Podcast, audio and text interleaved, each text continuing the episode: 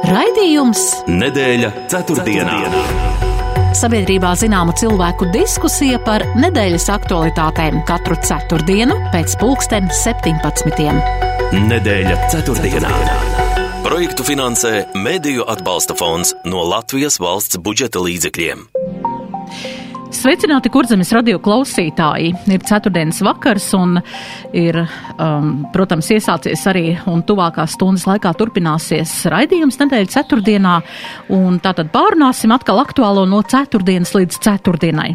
Un kas tad šajās dienās noticis? Zviedrija sagaidījusi Turcijas un Ungārijas piekrišanu tās uzņemšanai NATO aliansē. Tiesa vēl jāsagaida oficiāls dokuments par to. ASV notiek valsts prezidenta amata kandidātu priekšvēlēšanu cīņas. Daudz apspriestā Latvijas deputātu un uzņēmēju delegācija atgriezusies no viesošanās Ķīnā. Politiskie spēki informē par kandidātu sarakstiem jūnijā gaidāmajām Eiropas parlamenta vēlēšanām. Tikmēr Izglītības un zinātnes ministrija nāk klajā ar jaunumiem, kā tiks finansēta vispārējā izglītība Latvijā. Un vēl pirmdien jaunais finansēšanas modelis programma skolā tika pārunāts Latvijas pašvaldību savienībā ar Latvijas pašvaldību pārstāvjiem, kuri atbild par izglītības apgūšanu, apgūšanu novados un pilsētās. Kino baudītājiem gada notikums paziņoti aizvadītā gada Oskara balvai nominētie laureāti - aktieri, režisori, filmas, to vidū arī tie, kas 10. martā saņems augstu apbalvojumu Oskara statueti par savu ieguldījumu kino industrijā. Un vēl nedēļas nogalē Latvijas ornitoloģijas biedrība aicina vērot un skaitīt putnus pie barotavām. Tā ir Eiropas mēroga putnu skaitīšanas akcija, lai tiktu iegūti precīzāki dati par putnu sugām un to izplatību Eiropā. Par kādiem no minētajiem tematiem plašāk sarunāšos ar šī vakara raidījuma viesiem. Politoloģi, Latvijas Universitātes profesori Žanetu Ozoliņu. Labvakar! Labvakar! Un ekonomistu uzņēmēju Jāni Ošleju. Labvakar! Labvakar! Prieks jūs šajā vakarā sveicināt, un nošlaikungs jūs esat pirmo reizi mūsu raidījumā, un, un ievads jau, ievadam jautājums būs šovakar šāds. Ir tātad paziņotas Oskara balvas nominācijas, un 10. martā jau 96. reizi notiks balvas pasniegšanas ceremonija. Vai jūs esat šī notikuma tā kā, nu, tā kā cienītāji, sekojat līdz tam visam, vai esat paši kino baudītāji, un kura varbūt ir jūsu tāda top filma, uh, ko jūs varētu jā par sevi pastāstīt. Uzliņas kundze, sākšu ar jums. Es, protams, sekoju līdz uh, Oskara nominācijām un arī balvām, tādēļ, ka es esmu liela kultūras dzīves baudītāja starptautiskā līmenī un, un, un nevar ignorēt šo uh, starptautiski ļoti nozīmīgo notikumu. Taču tajā pašā laikā man ir jāsaka, ka ar katru gadu mana interese par šo pasākumu sarūk, jo tādēļ, ka uh, šeit virsroku gūst mārketinga speciālisti, mazāk uh, kino speciālisti. Uh, es neesmu redzējusi šī gada filmas, es atvainojos, es negribu nevienu aizvainot, bet pietiek paskatīties kaut vai šos īsos video klipus, lai saprastu, ka tas nav mans formāts. Bet, ja jūs prasat par tām manām filmām, tad viņas izkrīt ārpus šī Oskara nominācijas saraksta. Jā, Ošlaikungs, kā jūs raugaties uz šo pasākumu un kino industriju? Es domāju, ka kino industrijai šis pasākums ir labs. Es viņu parasti izmantoju kā iespēju, lai uzzinātu, kuras filmas ir atzītas par labākajām, un pēc tam noskatītos kaut kad vēlāk. Un, tā kā man ir paradums kā, sekot Oskara filmām, bet es varbūt neesmu spējis visas šī gada nominētās filmas apskatīties. Filma, ko es esmu redzējis, ir Bārbija filma. Uh, Un es zinu, ka bija daudz diskusijas par to, kāpēc Barbija filma nav beigās iekļauta galvenajā sarakstā, kur viņai vajadzēja būt, vai tas nav aizvainojums sievietēm. Nu, es neesmu tik ļoti pārliecināts, noskatījos to filmu, nedomāju, ka viņa bija kā tik izcili laba, un es domāju, diezgan pamatot viņa tur neiekļāva. Un uh, es domāju, ka otra interesanta filma, uh, kas bija, bija Oppenheimers. Un, uh, kas man liekas, ir arī svarīga filma, nu, tādā ziņā, ka mēs jau atkal esam varbūt pietuvojušies atomkaram un, un šīm iespējām vienlaikus ar, ar to, ka eh, bez šaubām enerģētikā ir, ir tāda atomu renesanse iestājusies, un ļoti daudz cilvēku runā par atomelektrostacijām. Es domāju, ka mums arī Latvijā vajadzētu ātrāk un svarīgāk par to domāt. Igaunija, piemēram, tikko publicēja lielu pārskatu par atomenerģijas nākotni iespējamo Igaunijā. Es domāju, ka mums tur ātrāk jārīkojas. Ar. Jā, tāds uh, skaists ievads nākamajiem tematiem jau, un, uh, un jā, runājot par šo kino pasākumu, jā, tiešām, nu, es piekrītu arī Ozoliņas kundzei, ka, nu, vairāk šādi, kas bija kādreiz tādi izcili un gaidīti pasākumi, nu, viņus tā kā nomācis mārketings un, un tāda, nu, vairāk tā kā, nu, tāds, viņš pazaudē to savu to unikalitāti ar to, ka tiešām var kaut ko oriģināli ieraudzīt. Nu, viss, viss tomēr, laikam, šajā pasaulē nosaka nauda un kaut kādā tādā garā. Jā. Es domāju, ka uh, Holivudā ir kopumā problēmas, tāpēc, ka uh, ir ļoti uzplaukuši Netflix un uh, citi straumēšanas servisi, kuri rada brīnišķīgas filmas. Un šī te Oskars, kuri specializējās filmu filmu kinoteātros attēlošanā, viņu kopējā nozīme jau ir zudusi, jo tagad ir parādījušās daudzas mākslas filmas ārpus šī formāta, kur Oskars nesedz. Es domāju, Jā. ka tas arī no tādas lielas laikmetu pārmaiņas veidā, kā filmas tiek radītas, kurš viņas rada. Holivudas studijas vai, vai neatkarīgi filmu izplatīšanas firmas, tā kā Netflix, un kādā veidā mēs viņus skatāmies, ja mums kino vai mājās. Jā, tādi pārmaiņu, pārmaiņu laiki. Jā, ja runājam jā, par tādiem, nu, arī varbūt kādu filmu scenāriju, tādiem vērtiem notikumiem, tad esam šajā nedēļā arī tādus varbūt arī šajās dienās piedzīvojuši. Un uh, gribētos, jā, parunāt par šo te mūsu deputātu un uzņēmēju grupas viesošanos Ķīnā. Jā, šī delegācija ir atgriezusies, un mēs zinām, ka šodien Nacionālā apvienība paziņoja, ka Aleksandrs Kirsteins ir tā kā, nu, tā kā no partijas viņš ir aizgājis, viņu, viņu ceļi ir šķīrušies, kā teikts medijā, un ko pats arī Raivs Dzintars ir ielicis šajā sociālajā platformā X. Bet, uh, ņemot kopumā šo te, mēs zinām, ka pats Enārs Šlesers vienmēr saka, ka katrai vizītei, runājot par kādu politiķu vizītēm ārvalstīs, vienmēr ir jāsaka, tas jāsaredz tas pienesums.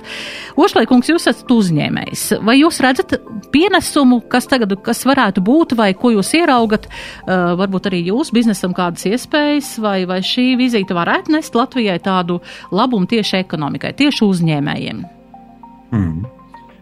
Jā, es arī pamanīju viļņošanos par šo vizīti. Es īsti nesaprotu, par ko cilvēki tik ļoti uztraucās. Manuprāt, Ķīna ir interesanta valsts. Es tur pats esmu bijis uh, vairāk kārt, arī pirms dažiem mēnešiem biju. Un uh, noteikti iesaku visiem aizbraukt. Es domāju, ka viņi ir interesanti un pamācoši uh, tajā ziņā, ka var labi vērot, kā viņi attīsta savu ekonomiku. Un eh, Ķīnas rūpniecība, eh, kuru arī apmeklēja šīs vizītes laikā deputāti, ir parāda šobrīd ārkārtīgi milzīgas izrāviens. Lielākais izrāviens, kas ir Ķīnas rūpniecībā pēdējos gados, ir auto eksports. Un uh, Japāna 80, 1980. gados ļoti spēcīgi izrāvās auto eksportā, un ar to arī ļoti paaugstināja savu dzīves līmeni, tādēļ, ka auto eksports nozīmē ļoti daudz saistīto komponentu eksportu un būtiski uzlabo ienākumus valstī. Un Japāns lielais izrāviens Ķīna auto eksportam gadā, Ķīna jau to ir pārsniegusi. Un Ķīna eksportē vairāk auto gadā uz citām pasaules valstīm nekā Japāna to izdarīja 80. gados, kas bija lielais Japāņu auto bums.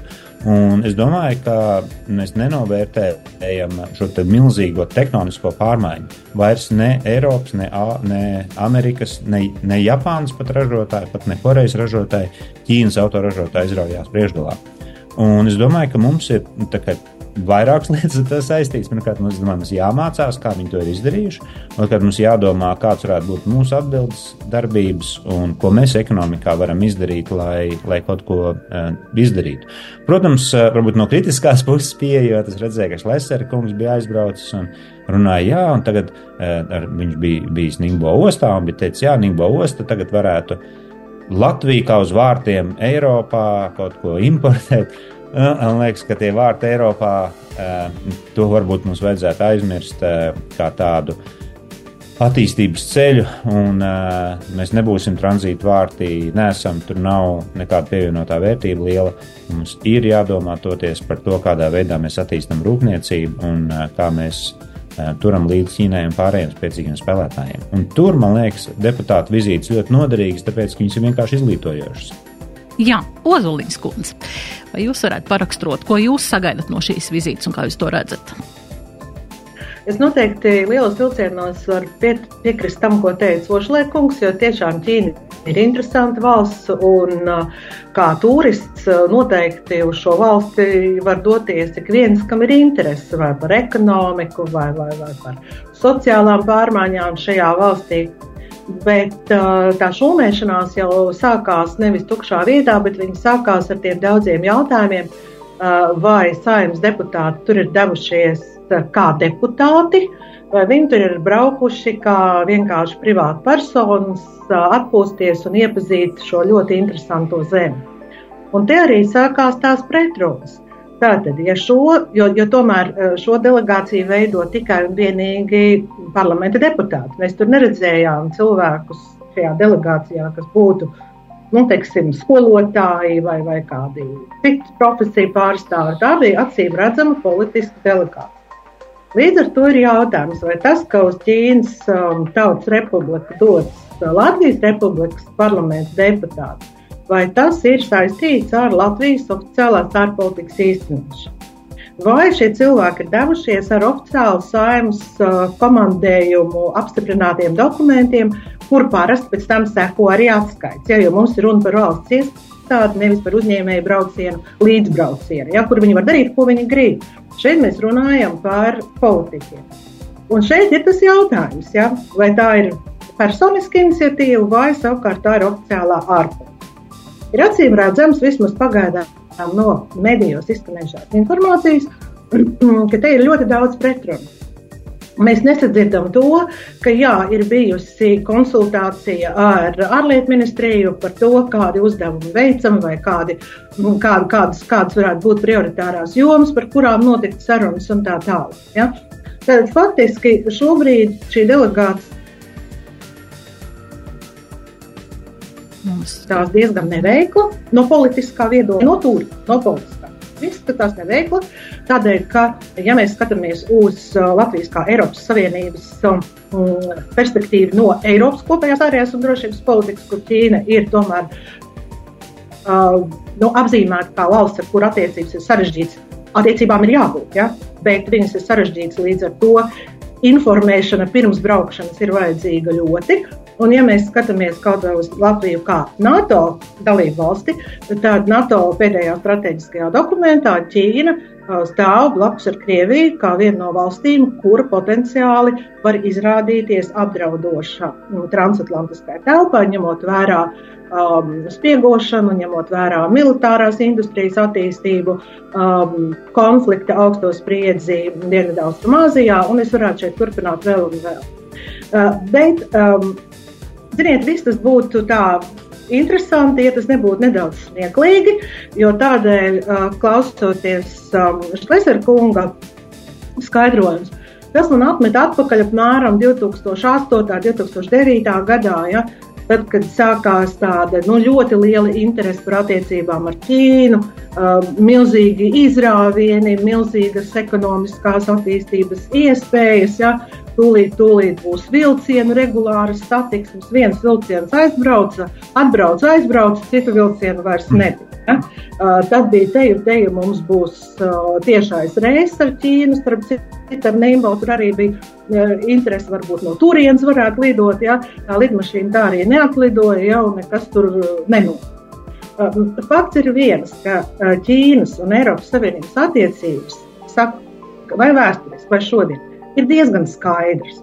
Un tādēļ stāstīt, kā ar vienu braucienu tagad uzņēmējiem pavērsies lielās iespējas, nu, nu, ne, ne, nebūsim smieklīgi. Ja? Uzņēmēji arī šo tirgu par šiem gadiem jau ir izpētījuši. Tur ir bijis, un joprojām laikam ir satiksmes ministrijas atašais. Ja? Tur ir šis Latvijas investīciju un attīstības aģentūras pārstāvs. Tur nav nekā jauna. Ja?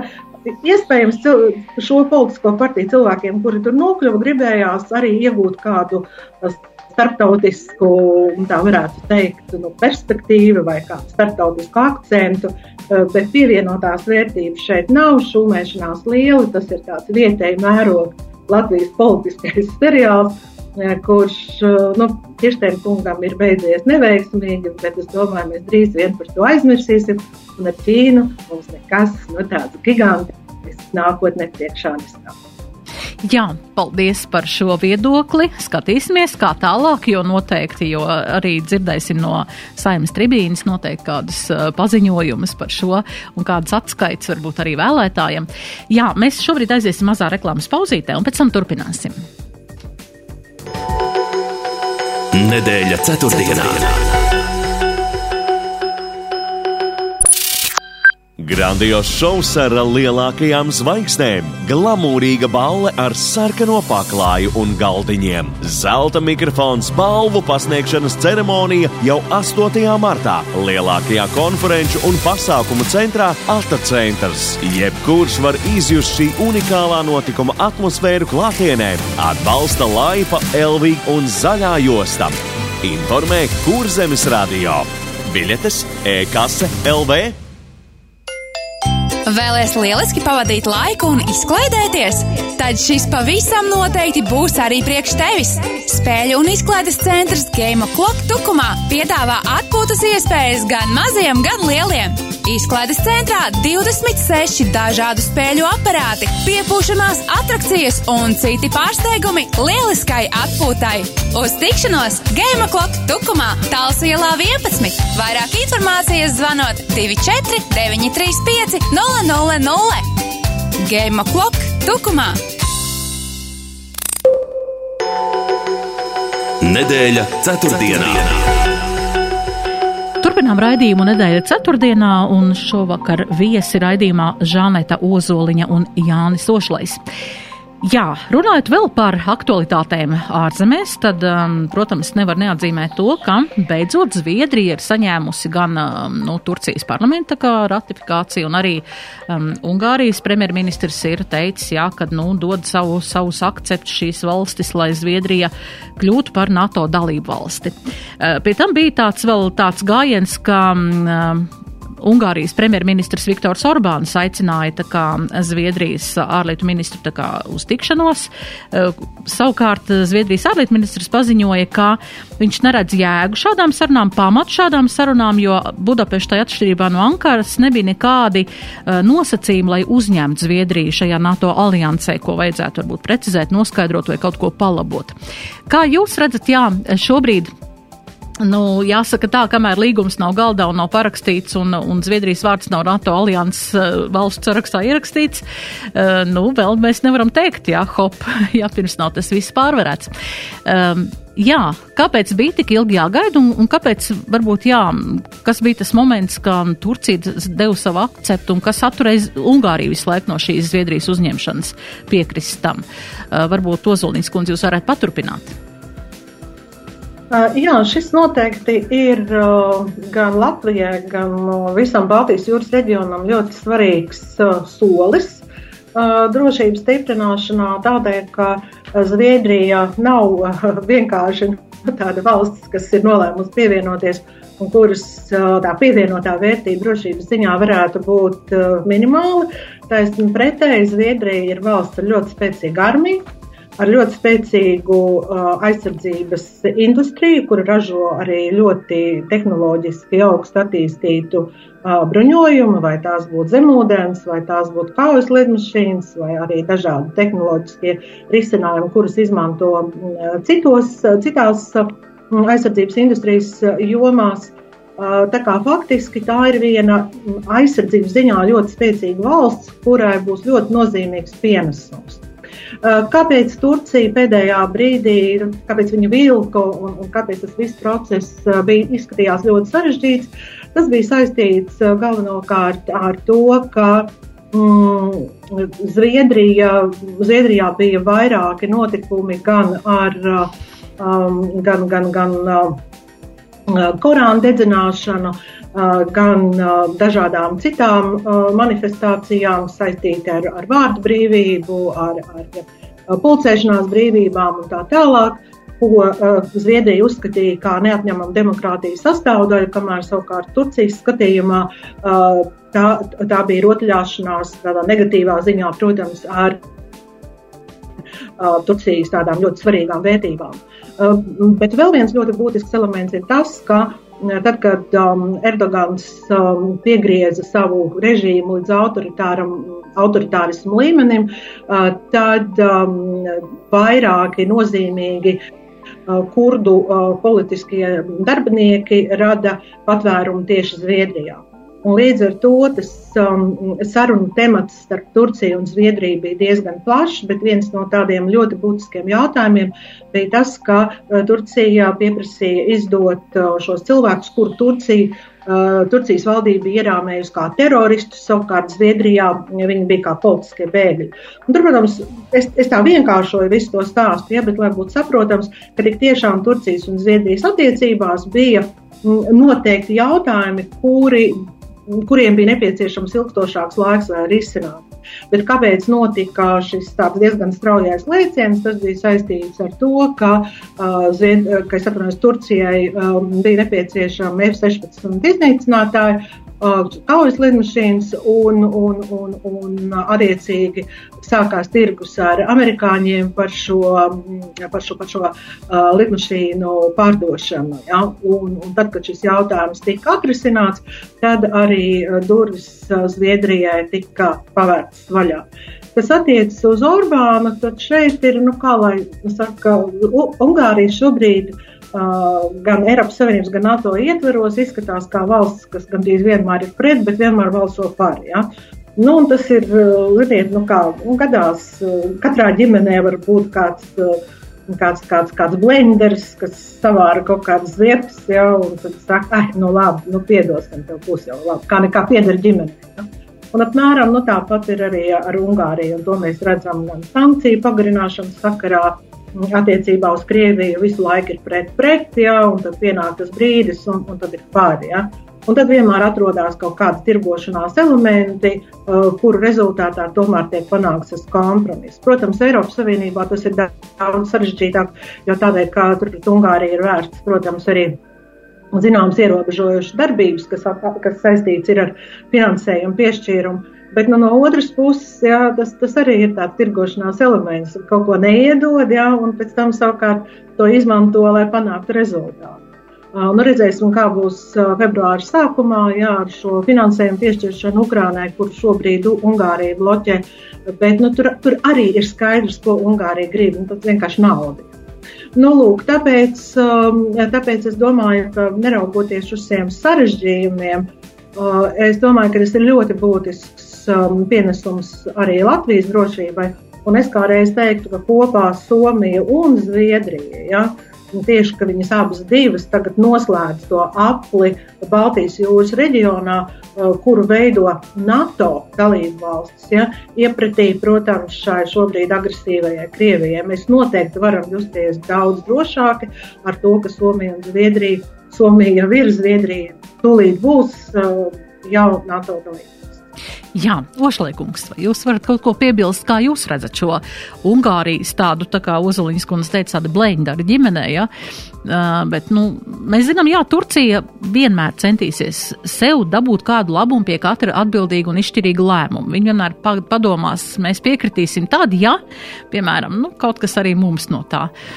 Uh, iepratī citām valstīm. Un, un Ungārija diezgan līdzīgi rīkojās arī Eiropas Savienības šajā visā uh, saimē. Kā jūs redzat? Varbūt. Mm. Protams, Turcijai kurdu jautājums ļoti centrāls mm. jautājums, un viņi ļoti cīnās par to. Tā ir viņa milzīga iekšpolitiskā problēma. Un līdz ar to viņi mēģina visiem spēkiem apkarot un slāpēt kurdus, kā pareizi arī norādīja kundze, kas arī bija iemesls. Bet uh, viņu aizkavējumam. Savukārt Ungārija vienkārši mēģina politiski stāvēt, bet es domāju, Ungārija teica, lai Zviedri brauc ar mums runāties, tad mēs izlemsim, bet Zviedri vienkārši nebrauc, tāpēc, ka viņi jau, nu, Ungāriem nav iespēja nepateikt nē, līdz ar to nav, Zviedriem nebija nekādas jēgas tur braukt.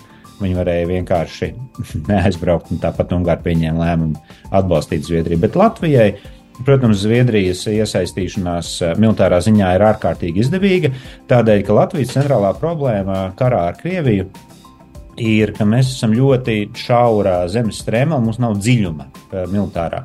Ja sāk uzbrukt, uzreiz jau var nu, sasniegt. Līdz ar to kā, ir vieglāk varbūt iekarot, bet Zviedrija dod šo strateģisko dziļumu, dod iespējas izvietot ieročus arī, piemēram, Gotlandē, izvietot ieročus pašā Zviedrijā, un līdz ar to padara nesalīdzinām grūtāku jebkādu uzbrukumu Baltijai. Tāpēc Zviedrijas iestāšanās NATO un tagad arī eh, mēs lasījām eh, ļoti daudz desmitiem un desmitiem karabāžu atvēlēšana Amerikas Savienoto valstu karaspēkam jau šobrīd dod Latvijai nepieciešamo strateģisko dziļumu eh, militāru konfliktu gadījumā. Un līdz ar to padara nu, Latviju, uzbrukumu Latvijai praktiski neiespējamu. Tā kā, jā, es domāju, šī ir ļoti laba ziņa, un uh, es domāju, mums par to ļoti jāpriecājas. Jā, par to tiešām ir jāpriecājās, jo Baltijas jūra, kā mēs dzirdējām, kļūst par NATO jūru. Un, uh, es atceros, ka man liekas, tas bija mm, īsi pēc uh, Krievijas iebrukuma Ukrainā, uh, kad Zviedrija izvietoja savus uh, kaut kādu karaspēku, kaut kādas vienības uh, Gotlandē. T par, to mēs, par to arī mēs daudz dzirdējām, jā, kad Gotlanda īstenībā šī visā um, Baltijas reģionā ir diezgan tāds nozīmīgs uh, punkts, ko, kam būtu jābūt tā kā kur kontrolē tas ir, tā arī nu, tā Baltijas jūras tā, tas, tas svarīgums, tā ietekme tomēr ir tāda ļoti, ļoti nozīmīga šajā reģionā.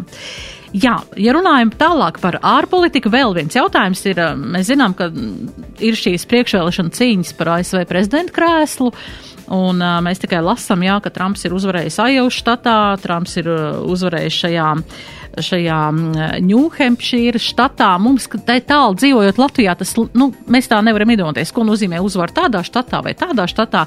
Turpretī arī, tā kā esošais prezidents um, Joe Bidenis šajā Ņūhempšīrā nav piedalījies, bet tomēr štats ir uztaisījis arī šādu, šādu balsojumu, un, un viņš ir pārliecinoši uzvarējis arī savā tajā uh, kā, kā demokrāts.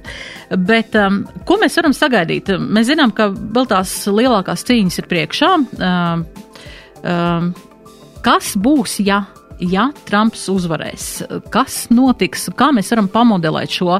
Un uh, mēs zinām, ka Trumpam par labu jau ir atkāpies Desantes un vēl viens uzņēmējs, kas arī kandidēja uh, šajās vēlēšanās un ir palikusi šī sieviete Heilija, nemaldos uzvārdā, ja, Nikija Heilija.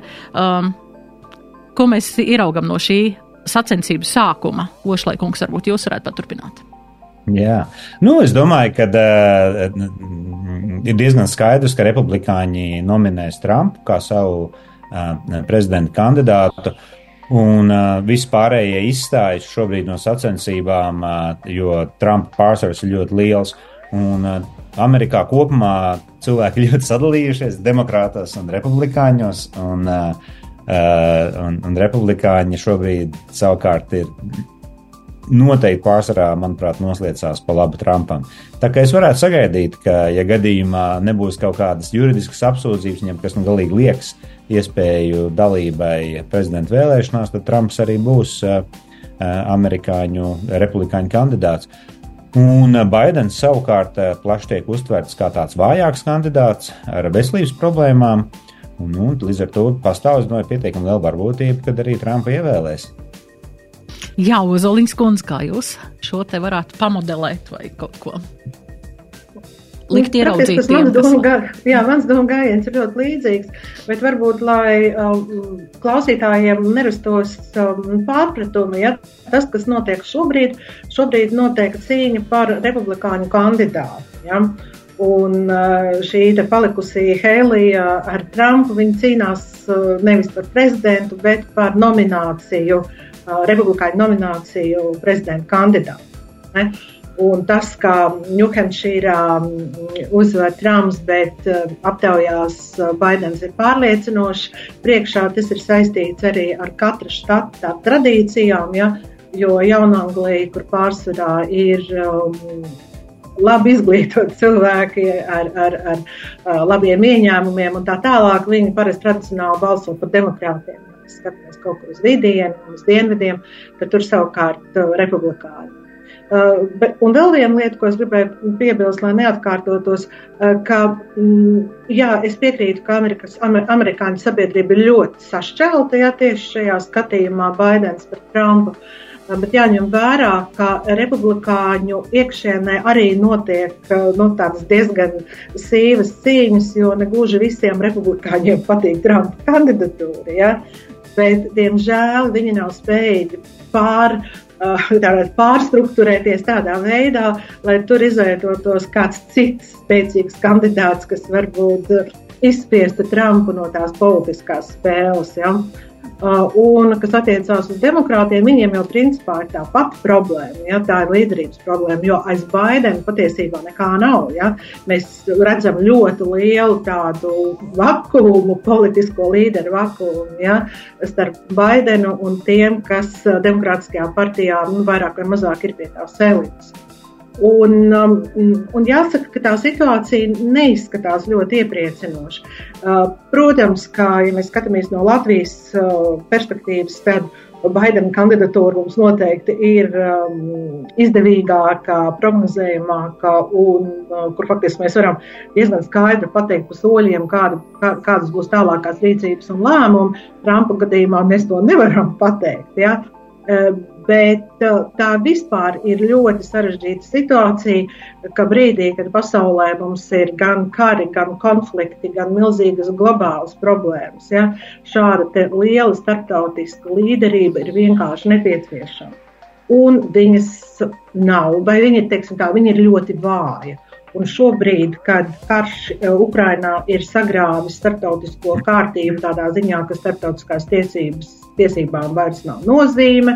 Nu, es domāju, tā varbūt uh, mazliet radikalizējot to viedokli, ja, vai ir, ir, ir, ir krietni vien um, samazinājusies starptautisko tiesību nozīme. Organizācijas vairs nespēlē tik lielu lomu starptautiskajās attiecībās. Tieši lielvalsts ar savu līderi var būt viens no tiem spēkiem, kas mēģina līdzsvarot šo nu, no uh, ierastās kārtības izšūpoto pasauli. Ja? Un tāpēc tās vēlēšanas ir ļoti būtiskas, ja? bet nu, tās prognozes um, nevienā, ne otrā gadījumā nav nu, tādas, ka varētu teikt, oh, jā, nu tagad ir. Vai, ja? Protams, būs lielāka vai mazāka kārtība, bet viņa nebūs ar tādu skaidru, spēcīgu starptautisku perspektīvu. Un tāpēc, starp citu, ir ļoti būtiski, kāds būs Eiropas parlamenta vēlēšanas un Eiropas vēlēšanu rezultāts. Jo no šī rezultāta būs atkarīgs, kāda būs Eiropas komisija un Eiropas līderība. Ja? Un, ja, piemēram, uzvar Trumps, nu, kas būtu priekš mums varbūt tas negribētākais scenārijs, tad Eiropai būs jāuzņemās ļoti liela atbildība par to, kas notiek ar Eiropu, ar Ukrainu, ar Eiropas kaimiņiem. Un šeit līderība tiešām būs ļoti būtiska. Jā, runājot par Eiropas Savienības šo te parlamentu un Eiropas Savienības sadarbību starp valstīm, mēs redzam, ka arī nu, tas, tie, tās vēlēšanas jau patiesībā nu, sāksies valstīs un, un arī pats Eiropas parlaments tiks vēlēts. Bet mēs jau redzam, ka šobrīd arī ar to vien, vienprātību, tādu vienotību, šad tad ir tā, nu, nu, tā kā uz nāža asmenis. Tur viens pasaka, es to nedarīšu, vai, piemēram, tā kā šobrīd arī Slovākijas uh, prezidents bija, prezidents, ne, premjerministrs, jā, ne, prezidents bija aizbraucis uz uh, viesus pie, pie Ukrainas premjerministra. Un, nu, tur ir pavisam tāda cita valoda atkal, nekā tad, ja viņš runā no tribīnas, piemēram, savā, savā valstī, sav, savai auditorijai. Um, kas, kas, tas, kas tā tāda ir pa tādu tendenci, metodi, ko tas nozīmē starptautiski un ko tas nozīmē, kā mums uz to skatīties. Var ar viņiem rēķināties, kā, vai tomēr tur var būt kaut kāda pārsteiguma, ko mēs pat nevaram paredzēt. Ozoliņas kundze varbūt paturpiniet. Nu, šeit laikam vajadzētu atcerēties uh, to, ka Eiropas Savienība nav tāda harmoniska, identiska valstu grupa, kur visi domā identiski. Eiropas Savienība tomēr ir uh, valstu grupa, kur katrai ir savas nacionālās intereses, bet tās ir valstis, kuras saprot, ka nacionālo interesu labākais veids, kā viņas īstenot, ir rīkoties kopīgi. Bet tas nenozīmē, ka pilnīgi visos jautājumos, visās situācijās viss notiek. Nu, Sanāk uz piecām minūtēm, paceļ rokas un saka, jā, viss lēmums pieņemts. Mēs tā kā vienā balsī nodziedam vienu un to pašu dziesmu. Tā tas nav. Un jo labāk mēs, teiksim, jo pamatīgāk mēs apzināsimies to, ka šīs 27 dalību valstis ir katra ar savu iekšējo dinamiku. Vai tā būtu ekonomiskā, vai tā būtu politiskā, vai tā būtu sabiedrības. Jo mazāk mums būs dažādu pārsteigumu. Jo vairāk katra valsts, tā skaitā Latvija, sapratīs, ka braucot uz padomēm, ir jābūt gataviem argumentiem, kabatā pārliecināšanai, lai kaut ko panāktu.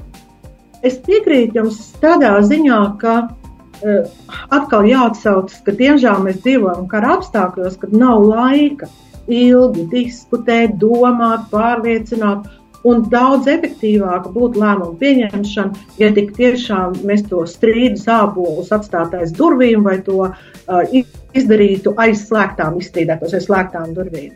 Uh, bet atkal es gribētu teikt, ka neraugoties uz to, ka periodiski mēs redzam, vai Slovākiju izlecam, vai Ungāriju, vai iepriekš Poliju izlecam, Tad, kad lietas nonāk līdz būtiskiem Eiropai drošīgiem, drošīgiem, drošībai svarīgiem jautājumiem, valstis mobilizējās un to strīdu sābolus noliek malā. Un, manuprāt, tas ir svarīgākais. Nevis skatīties uz to, kur varbūt no rīta kāds ar kreiso kā izkāps no gultas un kaut ko glupu pateicis, bet drīzāk skatīties tiešām uz tām rīcībām, nu, tādos kritiskos brīžos. Un es te gribētu atsaukt atmiņā, nu, kaut vai tad, kad Latvija bija iekritusi savā finanšu un ekonomiskajā krīzē 2008. un 2009. gadā, Eiropa vienbalsīgi nāca klajā ar lielu palīdzības paketi Latvijai, ja, kas palīdzēja mums izrāpties ļoti lielā mērā ārā īpaši sociālos jautājumus. Ja? Vai mēs atceramies Covid krīzi, um, iepirkums ar, um, ar, ar, ar um, vakcīnām, ja? vai pēc tam finanšu instrumentus, lai atgūtos no finanšu krīzes. Ja? Es varētu šeit minēt entos piemērus, ka tik tiešām valsts uh, viņu sabiedrības drošība, ekonomiskā vai cita drošība ir apdraudēta, tad Eiropas Savienība tomēr darbojās kā tāds vienots mehānisms. Un tas ir daudz svarīgāk nekā tās sīkās lietas. Jā, Užlaikungs, vai jums ir kaut kas piebilstams arī par šo? Kā jūs vērtējat, jā, šādas nu, valstu līderu izteikumus? Mēs lasām vienā dienā vienu, viņš aizbrauc tur, runā kaut ko citu. Eh, es domāju, ka eh, nu, Padomju Savienībā bija eh, daudz labāka situācija tādā ziņā. Visi runāja tikai vienu. Un, un tikai pareizas lietas, vai ne? Tagad demokrātijā cilvēki izrunājās visādos veidos, un, un skaidrs, ka tas nav tik pieņemami. Bet, ja noliekam joks malā, tad es domāju, ka tā ir vienkārši daļa no, no demokrātijas būšanas. Un, uh, Un, uh, es domāju, ka šādas diskusijas un debats ir vajadzīgas. Ozoliņš kundze pieminēja to, ka Eiropa ir uh, visās gadījumos izdarījusi pareizo lietu, bet gan finanšu krīzē bija ārkārtīgi asas un plašas diskusijas par to, vai Latvijai vajag palīdzību, kādu veidu palīdzību, ko būtu pareizāk darīt, vai vispār mēs ejam pareizo ceļu, jā vai nē. Par vakcīnām ir bijušas ārkārtīgi lielas diskusijas, vai viņas vispār vajadzēja, nevajadzēja. Viņi tagad ir pat daudz, kurš ir atbildīgs par to, ka, viņi, ka viņas tika nopirktas, tā bija naudas izšķērdēšana. Uh, gluži tāpat kā par atjaunošanu atjaunošanās noturības mehānismu naudu nepareizi tiek piešķirt nepareizā veidā ne tiem cilvēkiem vai citur vairāk. Daļa no demokrātijas, daļa no debatas, un es domāju, ka tieši debatēs jau arī nu, strīdos asos mēs iegūstam patiesību. Tā kā vispār neredzu satraukumu nekādu pamatu. Jā, labi. Klausītājs ir dzirdējis to, un es pieņemu, ka mēs varam mierīgi dzīvot eh, tādā ziņā, nesatraukties jā, par to. Ja runājam vēl par vēlēšanām, un eh, jau minējām Eiropas parlamentu vēlēšanas, un šodien ir tā diena, kad eh, Centrālajā vēlēšana komisijā tiek iesniegt arī mūsu politisko spēku saraksti, kas kandidēs šajās Eiropas parlamentu vēlēšanās, un vai jums ir kāds pārsteigums jau no esošās zināmā, zināmo kandidātu sarakstiem kāds, ko jūs domājat, nu, nu diez vai vajadzētu nu, Eiropas parlamentā šādam, šādam, šādam sasaukumam būt, vai, vai šī cilvēka pienesums kāds varētu būt Eiropas parlamentā. Vai ir tādas sajūtas, neminot varbūt kandidātus, neminot varbūt politiskos spēkus, bet nu vienkārši tā pasakojot līdzi, ja esat šodien sekojuši līdzi? Lošliekums, ar jums sākšu. Jā, nu, es domāju, ka uh, mums katrā ziņā vajadzētu spēcīgākos prātus pieturēt e, nevis Eiropas, bet Latvijas parlamentā, Latvijas valdībā. Es domāju, ka mēs šeit uz vietas varam izdarīt daudz vairāk. Un uh, mans vispārējais komentārs būtu, ka es cerētu, ka mūsu spēcīgākie uh, Eh, kandidāti piedalās eh, Latvijā. Un, eh, bet tas ir tieši tāpēc, ka es Eiropas parlamentam uzticos daudz, un es zinu, ka viņi beigās pieņems pareizu lēmumu ar vai bez. Bet šeit uz vietas mums tiešām vajadzētu salikt galvas kopā un padomāt par to, kā mēs varam panākt ātrāk Latvijas ekonomisko uzrāvienu, kā mēs ātrāk varam kļūt uh, visi pārtikušāki, labākām algām, bagātāki. Es domāju, ka mums ir ļoti daudz ko šeit runāt, diskutēt, un es vēlētos, ka spēcīgākie cilvēki paliek šeit un dara to. Jā, Ozoliņas kundze. Um, tas tāds diezgan viltīgs jautājums, ko jūs uzdevāt, jo um, nevar vērtēt cilvēku brīvas izvēles demokrātiskā valstī, kādus kandidātus liek, viņi liek savos politisko partiju sarakstos, par kuriem balso. To jau mēs redzēsim beigās 8. jūnija vēlā vakarā. Ja? Bet man šajā gadījumā varbūt ne tik daudz interesē cik spējīgi vai atpazīstami. Drīzāk man šajā brīdī ir kā lai saka, es, es zinu, ko darīs tā saucamās vecās politiskās partijas, bet man ir ļoti interesanti redzēt to sarakstu, kurus veidos tās politiskās partijas, kuras uh, ir uh, jaunas un kuras ir startējušas uz uh, sārēm tikko. Un kā viņas veidos saraksts. Es vēl neesmu gluži visus redzējusi, uh, bet jebkurā gadījumā man tas drīzāk rada interesi no tāda politiskā procesa viedokļa, kā jaunas vai politikā ienākušas jaunas politiskās partijas, kā viņas sev pozicionē attiecībā pret Eiropas vēlēšanām un Eiropas jautājumiem. Un tad jau skatīsimies, uzvārdi ir viena lieta, bet svarīgi arī, ko šie cilvēki liks galdā, kādas programmas un kādas idejas. Jā, un ir svarīgi, es domāju, arī, nu, ko jūs varētu pateikt šajā vakarā motivācijai tieši mums vēlētājiem. Nu, mēs visi būsim vēlētāji, lai dotos uz šīm vēlēšanām un nu, izvēlētos. Nu, ne, nekuru sarakstu, bet kāpēc vajadzētu doties un balsot par Eiropas parlamentu un, un šiem deputātiem Eiropas parlamentā, jo mēs zinām, ka nu, šī aktivitāte Eiropas parlamentu vēlēšanās ir ļoti zema Latvijā. Eh, kas jūs motivē uz turieni doties, Ošlaikungs? Kāpēc jūs dosieties uz, uz es ceru, ka dosieties uz Eiropas parlamentu? Jā, tas ir pilnīgi visām vēlēšanām, protams, jā. Es domāju, ka tas ir noteikti cilvēka un pilsoņu pienākums izteikt uh, savas domas. Un, uh, lai arī es pirms tam izteicos nedaudz kritiski un teicu, ka Latvijā var atstāt lielāku iespēju, Eiropā var atstāt ļoti lielu iespēju. Mums ir jādabū, ka tur arī darbojās tie cilvēki, kas pārstāv tiešām Latvijas intereses. Tā kā viennozīmīgi iesaku, jo gal galā Eiropa ir mūsu lielais partneris ļoti, ļoti daudzās ziņās, sākot no drošības, beidzot ar izglītību, kultūru, mākslu aizsardzību, ekonomiku bez šaubām. Es domāju, jāstrādā pie tā, jo visi vis šeit kopā darbojoties un mēģinot uzlabot ar Eiropu, protams, ka mēs visi kļūsim bagātāki. Bet es arī domāju, ka uh, arī šīs Eiropas uh, parlamenta vēlēšanās daudzas partijas piesaka kandidātus vienkārši kā tādu reklāmas gājienu. Viņi zina, ka viņi varbūt vinnēs vienu, bet viņi izvirza varbūt desmit, un tad viņiem ir iespēja par šiem desmit cilvēkiem runāt un vairāk izcelt. Un viņa patiesais mērķis ir uzvara varbūt saimnes vēlēšanās, vēl lielāka atpazīstamība Latvijā. Tā kā es domāju, ka daudz arī spēlē tādu spēli. Piemēram, es nu pat redzēju, e, labi iesnieguši kaut kādas nu, desmit, lai skaidrs, ka viņi desmit vietas nevinnēs nekad mūžā. Tātad viņi plāno vinnēt vienu, bet e, pārējiem tā ir e, reklāma, iespēja izrunāties, varbūt kāds uzaicinās kurzemes radio. Tā, tā es domāju, ka arī viņi domā. Jā, kurzemes radio ir ļoti atvērts arī politiskiem debatēm un visādā veidā. Bet to, es domāju, to arī to mūsu deputātu pienesumu mēs varējām arī redzēt tieši pēc Krievijas iebrukuma Ukrainā ka tieši mūsu valstis, tā bija Latvija, Lietuva, Igaunija, Polija, kuras ir pieredzējuši Krievijas šo, šo spiedienu un, un, un kundzību par, par, par nāciju, un ka mēs zinām, ka, ka tieši mūsu deputāti, kas bija ievēlēti no partijām, kas ir lojālas Latvijai, ka tieši viņiem bija ļoti milzīga nozīme dažādu lēmumu pieņemšanā.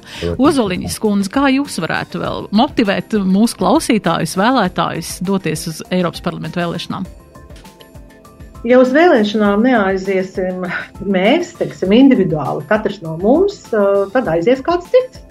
Un iespējams tas kāds cits ievēlēs tādus deputātus, par kuriem pēc tam mums būs kauns, vai arī būs jāsāk uztraukties par to, kādu lēmumu tiks pieņemti Eiropas līmenī.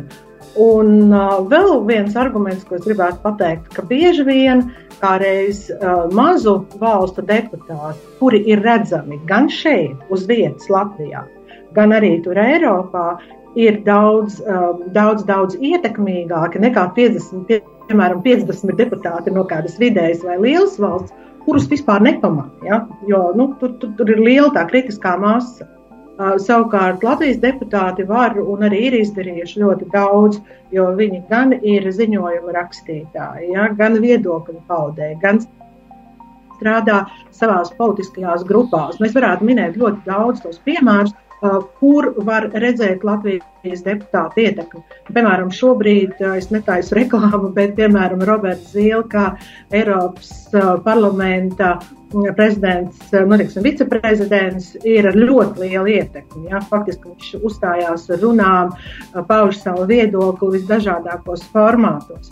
Un galu galā Eiropas parlaments ir tā organizācija, kas tā struktūra Eiropas Savienībā, kur pieņem budžetu. Un ik viens no Latvijas pilsoņiem var pats skatīties pa labi, pa kreisi, un viņš redzēs Eiropas naudas pienesumu, vai tie būtu ceļi, vai tās būtu atjaunotās skolas, ja, vai tās būtu mūsu kultūras digitalizācija un vēl un vēl un vēl. Kā patiesībā balsojot par Eiropas parlamentu, mēs arī balsojam par finansējumu un arī par tādu nākotnes politiku, kura būs ļoti labvēlīga mūsu bērniem un mazbērniem. Jā, paldies. Man atliek pateikt par šo sarunu, jo mūsu raidījuma laiks ir, ir beidzies un eh, novēlu jums tiešām tādu veiksmīgu nedēļas noslēgumu, lielisks brīvdienas un, ja dosieties pie barotavām uh, skatīt putnus, tad lai arī ar putniem bagāta uh, nedēļas nogala un, un lai arī pienesums arī mūsu Latvijas ornitologiem. Jā, tātad raidījumā piedalījās um, Žaneta Ozoliņa, politoloģe, Latvijas universitātes profesore. Paldies jums! Paldies! Un Jānis Ošlais, ekonomists un uzņēmējs. Paldies arī jums! Paldies. Producente Anna Andersone pie skaņu pults bija mans kolēģis Aldis Rudzītis, radījuma vadījies Daci Blūma, uz sadzirdēšanos turpmāk. Raidījums Nedēļa ceturtdienā. ceturtdienā. Sabiedrībā zināma cilvēku diskusija par nedēļas aktualitātēm katru ceturtdienu pēc pulksten 17.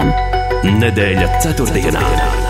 Projektu finansē Mēdīju atbalsta fonds no Latvijas valsts budžeta līdzekļiem.